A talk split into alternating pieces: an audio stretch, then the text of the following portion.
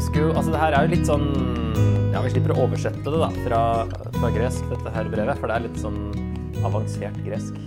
Og eh, det var litt sånn skrekken, husker jeg, når vi studerte gresk, om vi skulle få hebreerbrevet på eksamen. Så det, det slapp vi. Fikk jo Hans åpenbaring. Det var kjempelett. Det er veldig enkel gresk i Hans åpenbaring, men innholdet er litt vanskeligere. Men her er det Det er sånn litt annet uh, nivå, da. Uh, og så er det Innholdet er jo Han trekker så veldig mange linjer fra Gammeltestamentet som, som hvordan Jesus oppfyller så mye i GT. Og overgår det. Um, det er litt spesielt med det brevet her er jo at det heter jo Overskriften er jo at det er et brev, men um, det, har en, det, har en, brevavslutning, men har jo ikke en sånn brevåpning, sånn som de andre brevene har. Den slutter på en sånn med hilsener og 'Nåden være med dere alle' og sånne ting. Uh, men har ikke noe sånn åpning, og da vet vi heller ikke hvem som skrev det. Så det er jo det som er litt spesielt. Det er jo et anonymt brev. Overskrifta altså til hebreerne den er lagt til senere, sånn rundt år 200, eller 100-tallet. Så skal vi se på litt etterpå. Um, men han bruker mye sånn her tale Altså i 2.5 f.eks. Han sier at um, uh, Som vi taler om. Og snakker liksom som om han snakker. Um, selv om vi taler som vi gjør i 6-9, uh, eh, og at vi har mye å si dere, sånne ting, så teorien er at det kanskje har vært en tale som har blitt skrevet ned, og så sendt rundt. Um, muligens, da. Vi vet jo ikke det. Men det er i hvert fall det som er eh, en, en teori. Og hvis det var en tale, så er det jo en heftig tale å få Altså Hvis vi har kommet til kirka på søndag og fikk hebreerbrevet, liksom. en time med de kompliserte tingene her. Jeg tror ingen uh, få som har klart å henge med på argumentene hele veien. Um, så vi, det er mulig altså, Ellers så snakker han bare så, som for å minske avstanden litt til leseren med å liksom si at vi sier selv om han skriver. Um, pleier jo å snakke om liksom, Paulus sier ditt og datt, men han skriver jo egentlig. Så det, det, er mulig å, å, bruke de om hverandre, da.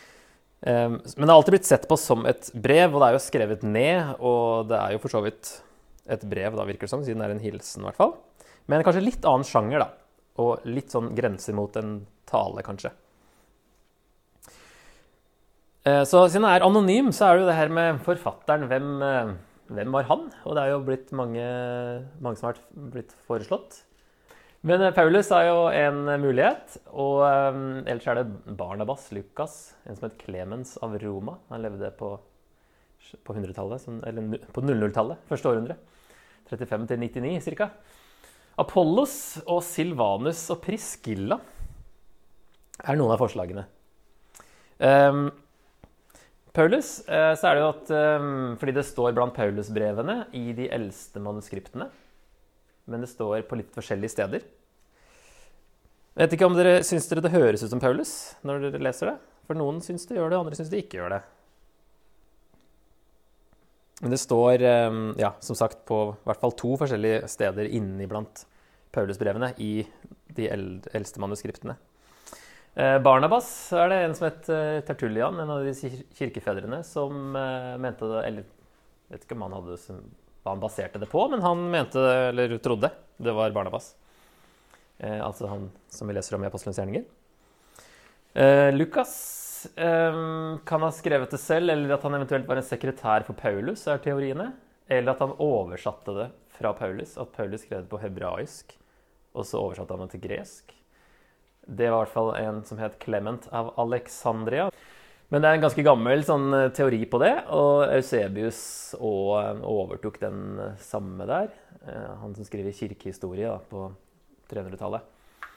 Um, ehm, så da er det liksom mulig at Paulus på en måte var opphavet, men at Lukas har skrevet det. Derfor er det annerledes språk. Uh, Lukas skriver veldig avansert gresk, så det er liksom argumentet da, at Lukas kanskje har vært inne i bildet her.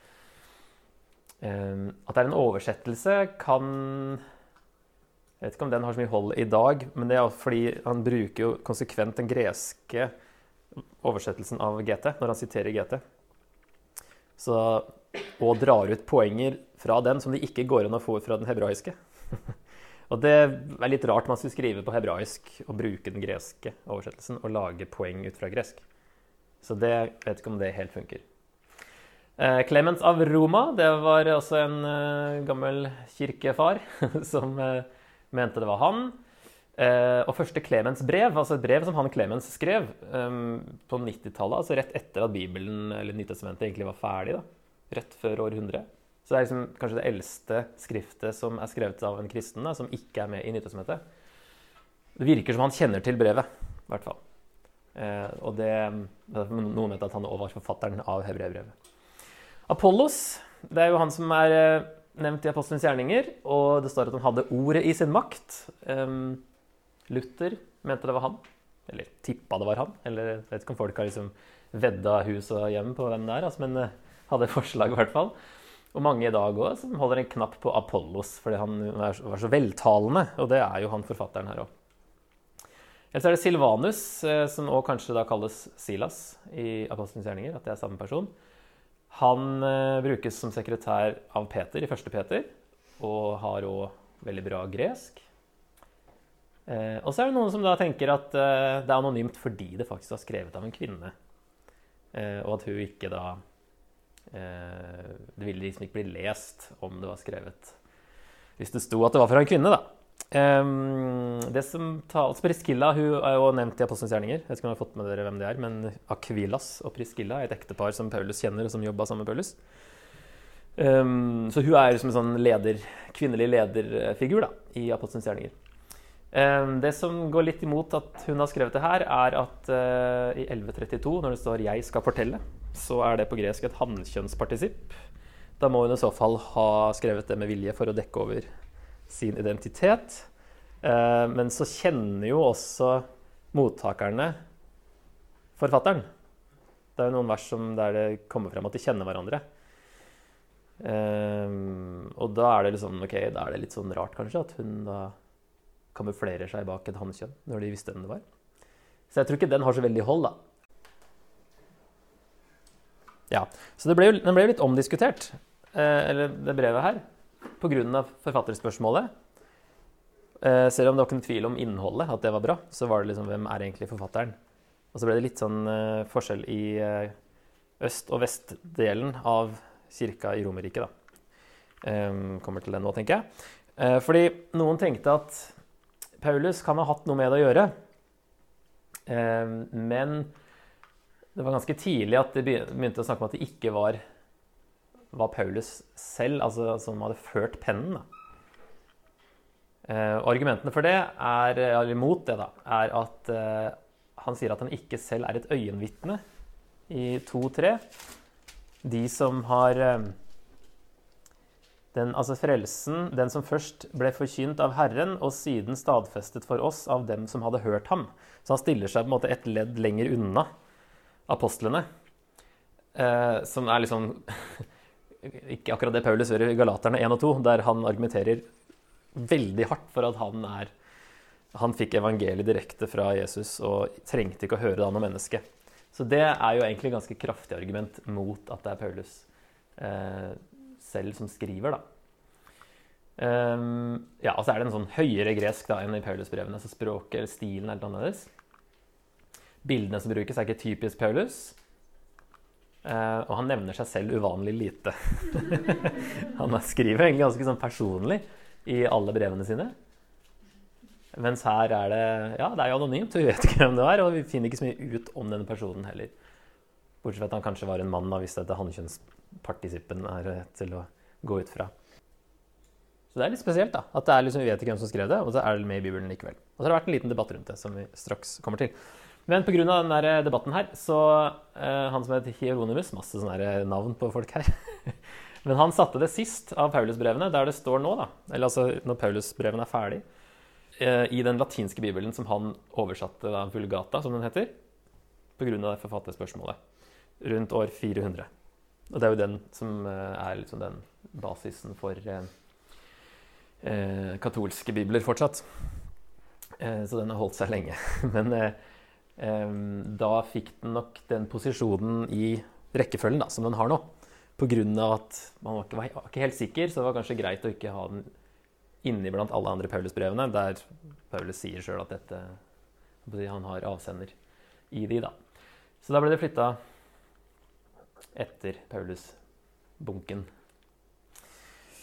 Um, så er spørsmålet da Kjente denne personen Paulus? Og det er jo, virker som han gjør, fordi han kjenner i hvert fall Timoteus.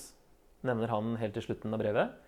Og det er jo flere like ord og uttrykk som Paulus, uten at jeg har noe liste over det. Men i hvert fall så kjenner han Timoteus, og det er på en måte nok til at uh, denne personen var i den såkalt apostoliske kretsen.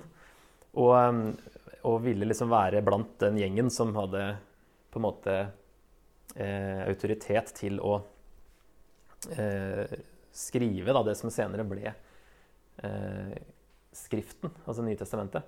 Det er det samme som at Lukas og Markus ikke er apostler selv, de heller, men de eh, kjente apostlene og reiste med apostlene og bruker apostlene som kilder for det de skriver.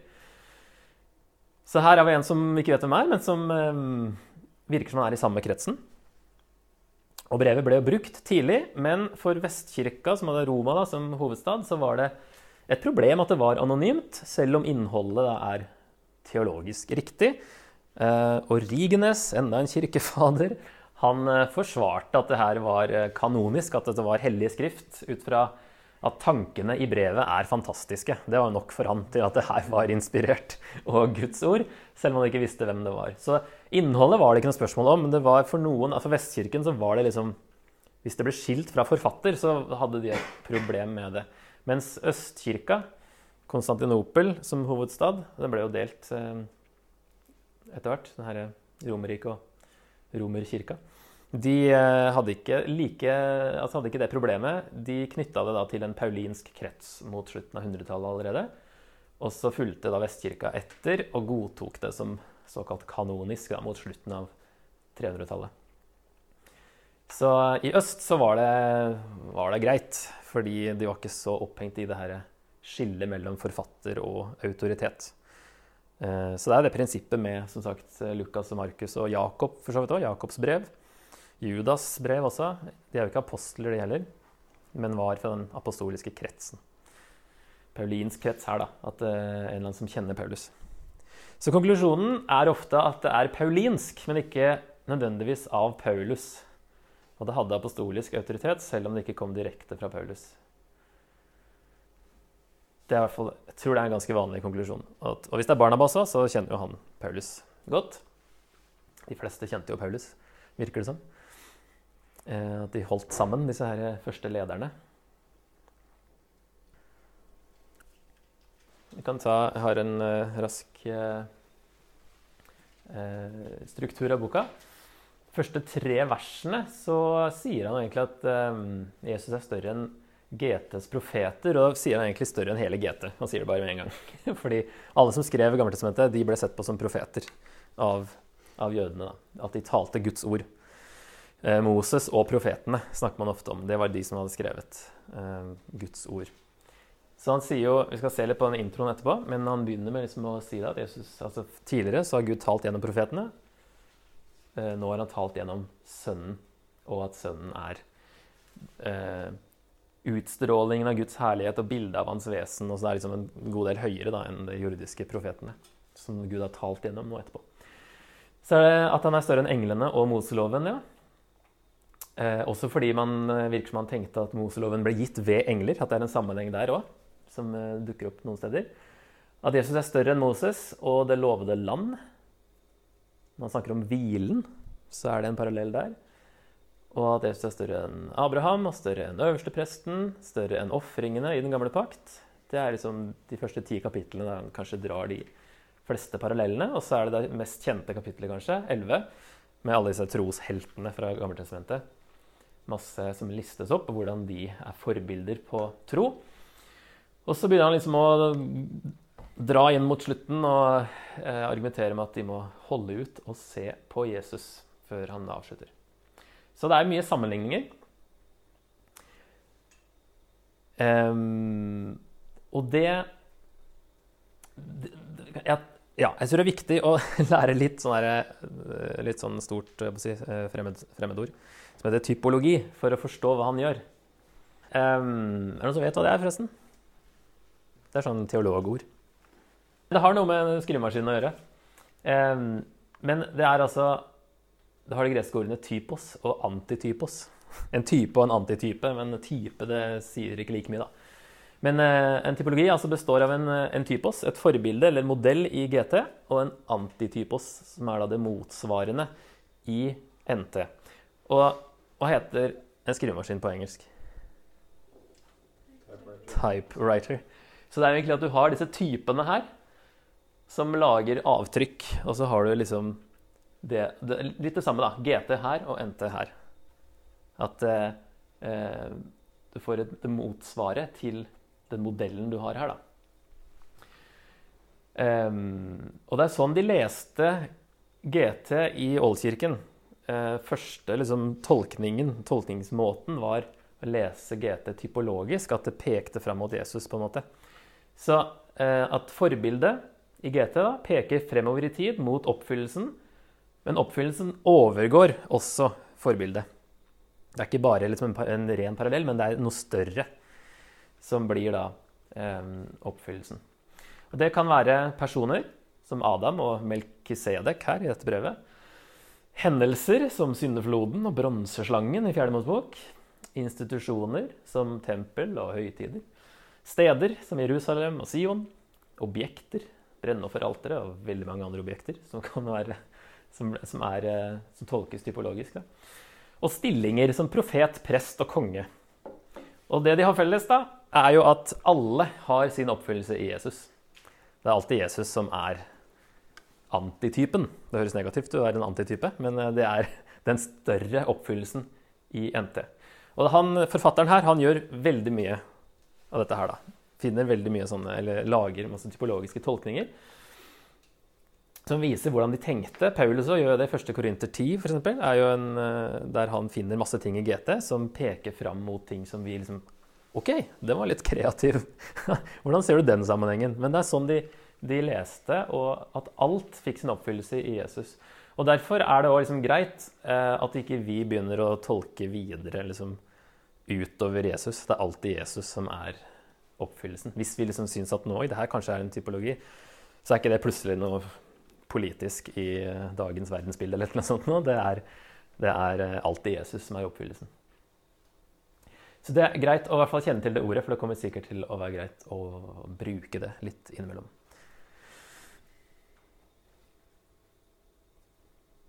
Og det er greit uansett for bibeltolkning generelt å være kjent med det. For det er sånn man eh, leste GT. Og det er får veldig mye ut av eh, Bibel, altså hele bildet, når man er klar over den, disse koblingene som gjøres.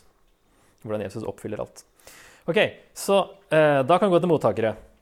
Eh, og det at det er såpass mye snakk om GT og at Jesus i forhold til den gamle pakt og Gammeltestamentet peker jo kanskje litt i retning av jøder, jødekristne. Kanskje ikke bare litt. Det er i hvert fall eh, vanlig.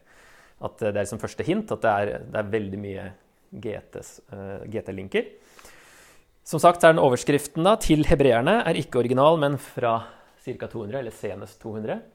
Og det gjelder jo egentlig uh, evangeliene også. Har jo ikke overskriftene ifølge Matteus, ifølge Markus. Det er blitt lagt til senere. Men det er gamle, gamle, gamle tradisjoner på at de er skrevet av de de har navn etter nå. Da. Men her er det da ikke uh, ifølge Barnabas, eller ifølge noen. Her er det om adressatene til hebreerne. Og det høres jo også ut som jøder. Um, at de var hebreere. Og som sagt at det er mye GT-stoff.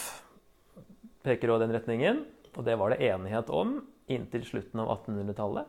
Så begynte man å pirke borti veldig mye, egentlig. Så det er ikke noe nytt at man begynte å komme med nye tolkninger på det her òg. Men det har vært en lang tradisjon på at det her er jødekristne. Men som sagt, da bruker han bare den greske oversettelsen av GT, det som kalles septuaginta. Det um, er jo greit å i hvert fall få med seg. Så kjenner han dem. Eh, det var vi inne på i stad. 1319 så sier han at uh, Nå sier jeg 'han' hele tida. Jeg vet ikke om de feministene her syns det er greit. Men eh. Jeg ber dere om forbønn, aller mest for at dere desto snarere kan få meg tilbake. Så det virker som han har vært der før og kjenner dem og eh, vil tilbake. Hvor han nå er. Eller det kommer vi straks til hvor han kan være. Det kommer vi til akkurat nå, faktisk. For i eh, nest siste vers så sier han at de fra Italia sender dere sin hilsen. Og da er spørsmålet hilser de fra Italia eller hjem til Italia? Er han i Italia og sier at de fra Italia hilser, eller er han et annet sted og så hilser han hjem? De fleste bruker det her som et lite sånn spor da, etter, eh, for å prøve å naile litt hvem man skriver til. Jeg tenker i hvert fall at det hadde vært kanskje mer naturlig hvis han var i Italia, og si at de i Italia hilser dere, enn de fra Italia. Det virker som de er et annet sted, men er opprinnelig fra Italia. At de hilser hjem til ville jeg i hvert fall eh, landa på. Eh, men ja, de kjenner Timoteus, eh, det gjorde også menigheten i Roma. Eh, nevner Paulus i Romerne 16. Eh, uansett så er det vanligste synet at det er jødekristne i Roma, og at det er en gammel eh, tradisjon for det òg. at de hilser hjem til Italia. Jødekristne i Roma. Ok? da ja, det er også litt utenfor den andre kilder også, som, som, viser at det virker som det var mest, eller først kjent i Roma. Han Clemens av Roma. Av Roma, ikke av Roma. Clemens av Roma. Han, eh, han, hvis han kjenner, en av de første til å kjenne dette brevet, så er jo han av Roma. Så det virker som det er en gammel kobling til Roma. Da. Nei, altså, det, det, er litt sånn Det blir en sånn cumulative case, dette her. Litt sånn småspor som leder oss i en retning, men det er mange som har kommet med masse andre forslag. Men det er i hvert fall det tradisjonelle, vanligste synet.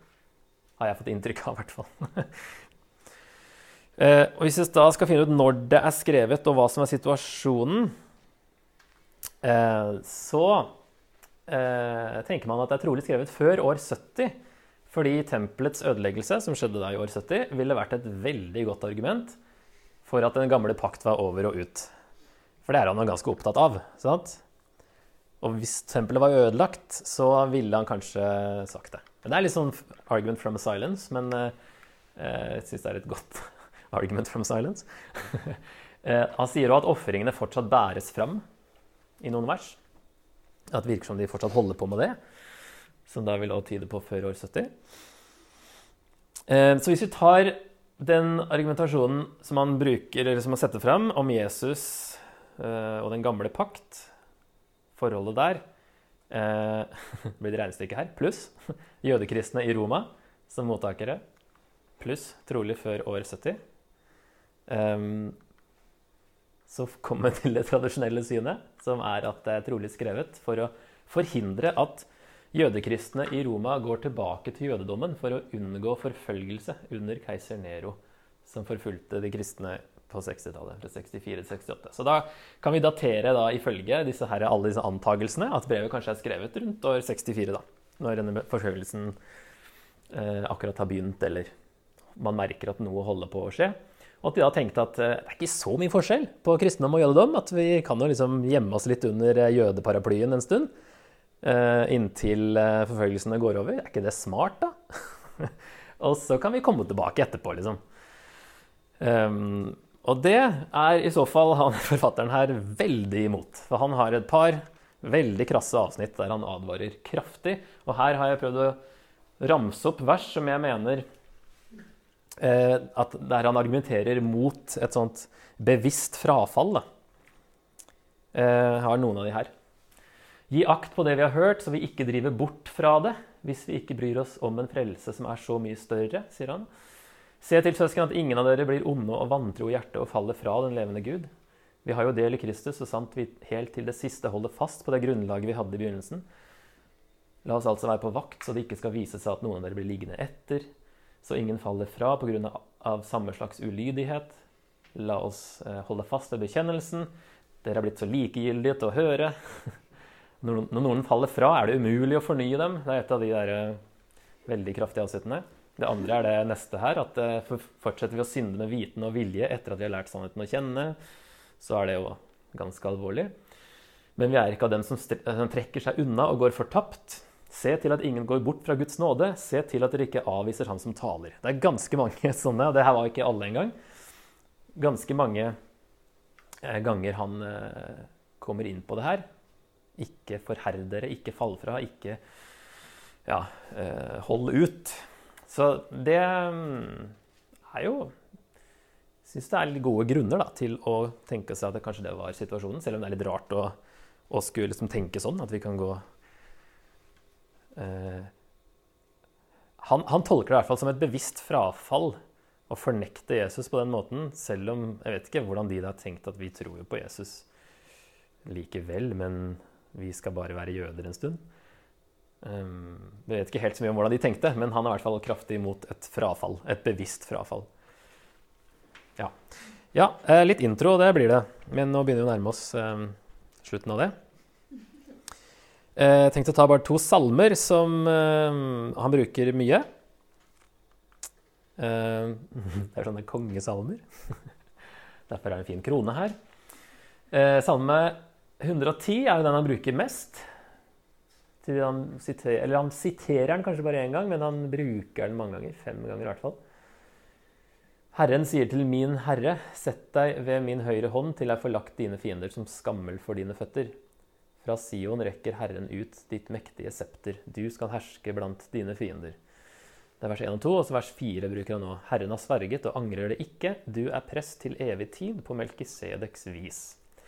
Jesus så nevner jo den salmen, og han lager jo sånn eh, gåte for fariseerne når han sier hvordan kan David, som skriver den salmen, og som er inspirert av Ånden, hvordan kan han kalle Messias, da, som salmen handler om eh, Hvordan kan han kalle han for sin herre, hvis, han, hvis Messias òg skal være Davids sønn? Hvordan henger det sammen? Så det, Jesus siterer den og, og bruker den om Messias, da, om seg sjøl. Og det det gjør jo han her, og han plukker jo den opp og bruker den om eh, Jesus hele veien. Og det er jo det finurlige i oversettelsen som ikke kommer fram her, i hvert fall. Men jeg lurer på om de har begynt å, å markere det litt i den nyeste her, med at den første Herren er store bokstaver. Og da ligger liksom Guds navn, Javé, ligger bak. Ja, det står det Herren, sier til min herre. Og det er den første herren er store bokstaver. Det er Javé sier til min herre, så er det et annet ord for herre da, i den andre gangen. Og det er det egentlig at Javé, Gud, sier til Messias. Og så er det David som skriver og kaller Messias for min herre. Så det er en Messias-salme da, som han bruker mye. Og som, jeg tror det er den som siteres mest i Nytestamentet av salmene. Eh, og så er salme to. Jeg vil kunngjøre det Herren har fastsatt. Han sa til meg, du er min sønn, jeg har født deg i dag. Be meg, så gir jeg deg folkene som arv og hele jorden i eie.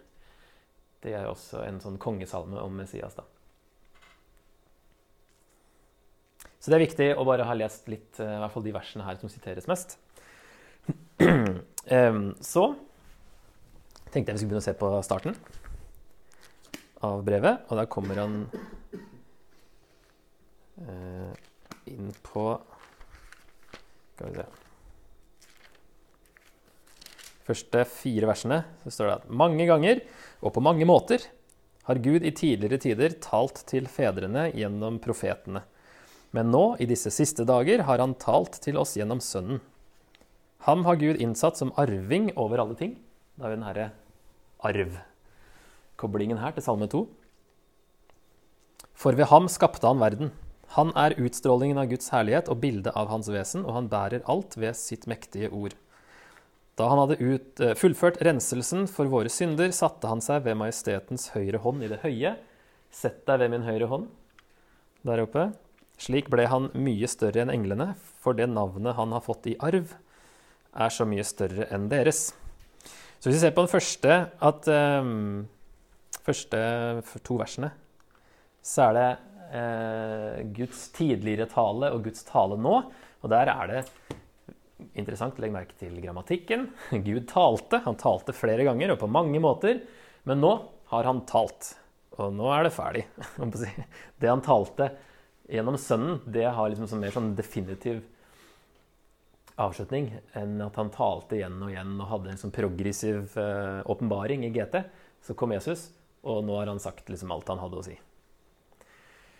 Um, Gud talte i tidligere tider, og nå i disse siste dager, det er da Jesu tid, og utover, talte til fedrene, talte til oss, gjennom profetene, gjennom Sønnen. Så en sånn ufullstendig tale som nå, når Jesus har kommet og oppfyller alt, er det blitt en fullstendig avsluttet åpenbaring, for å kalle det det.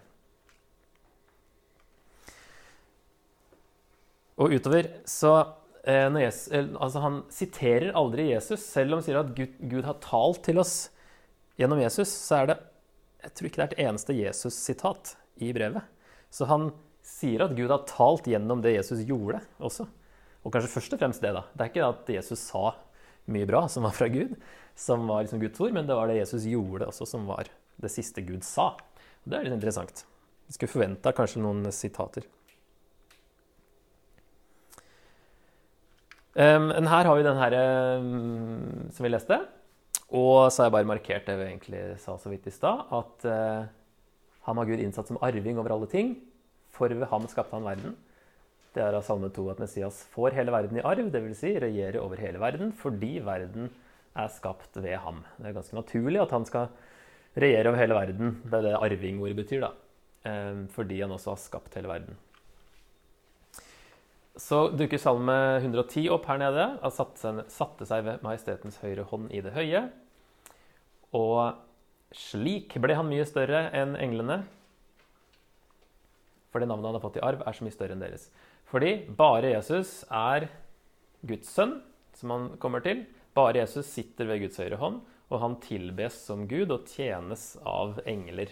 Det er det egentlig kapittel 1 Argumentet er at eh, Jesus er mye større enn englene fordi han faktisk tilbes av engler. Han er Gud han sitter i Guds høyre hånd. Han har skapt alt, og det er liksom ganske stor forskjell. Og jeg husker jo jeg, eh, min, da jeg hadde disse samtalene med Jehovas vitner, så spurte jeg han eh, som jeg snakka en del med, som jeg var jo Hvor gammel var jeg, ja? 23 eller noe sånt? da, Og han var sikkert 45. Uh, og han uh, Jeg spurte, da um,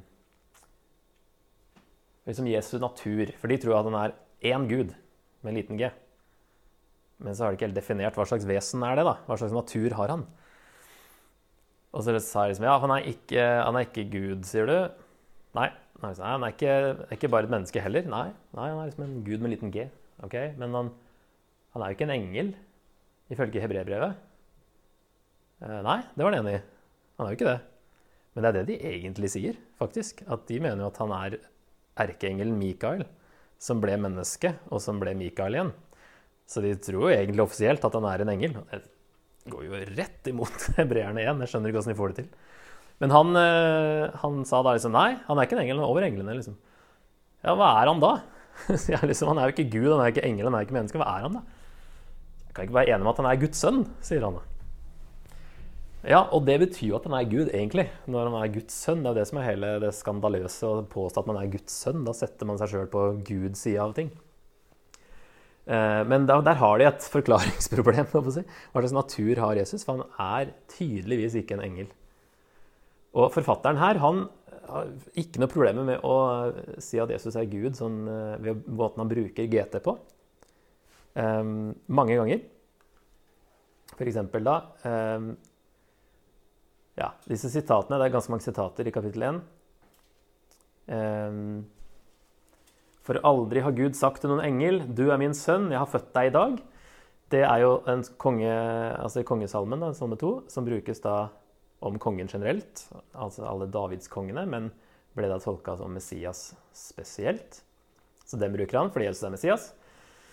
Og så videre i den så er det Eller, som det også står, 'Jeg vil være far for ham, og han skal være sønn for meg'. Altså videre i det verset. Det er fra 2. Samuel. Det er jo egentlig om Salomo. Men Jesus er den Davids-sønnen som alt pekte fram mot. Det er litt lærdom i å se hvordan han bruker GT. da. Med at det kan være eh, Virker som det er eh, Ok, det her er jo Salomo. Hvordan kan han si at det er Jesus? Men det er fordi Jesus oppfyller alt, si, alle Davids-sønnene. Og det var det alt eh, pekte fram mot, egentlig. Eh, og så bruker han et vers som han da bruker det kodeordet for Septuaginta, LXX. Det funker egentlig bare ut fra den, tror jeg. Eh, og der er det om eh, Gud. eh, alle Guds engler skal tilbe ham, så bruker han det som argument på at ok, man er ikke en engel, englene skal tilbe ham, faktisk. Så det eh, funker ikke helt ut fra den hebraiske. Eh, og så er det vers 8 og 9, der han sier at din troende Gud, står til evig tid. Din herskerstav er rettferdighetens septer. Du har elsket rettferd og hatet urett. Derfor har Gud, din Gud, salvet deg, og ikke dine venner, med gledens olje. Så her er det en kongesalme, det òg, salme 45, hvor kongen kalles Gud, og hans trone er evig. Det er snakk om to som er Gud. Det er litt spesielt. Derfor har Gud, din Gud, salvet deg. Så det bruker han om Jesus. Um, og så er det salme 102, der det er igjen Javé som Jesus, han bruker om Jesus her, at Jesus er verdens skaper, og verden er evig. Så du, Herre, grunnla jorden i begynnelsen, og himmelen er et verk av dine hender. Det er jo om, eh, om Gud, om Javé, men han bruker det om Jesus. Om Sønnen er jo vers 8, og videre i vers 10. Altså Han bruker også vers 10 eller Salme 102 om Sønnen. Så liksom, uten å blunke, så bare bruker han da eh, vers som tydelig er om at Javé er eh, den som er verdens skaper og evig, så bruker han om Jesus. For å vise at Jesus ikke er en engel, men Gud, og derfor mye større enn englene. Sånne her eksempler som denne har vi jo veldig mye av i, hos Paulus òg. Der de eh, syns at det er helt greit å koble det til Jesus, og tydeligvis ikke blasfemisk. For Jesus er guddommelig.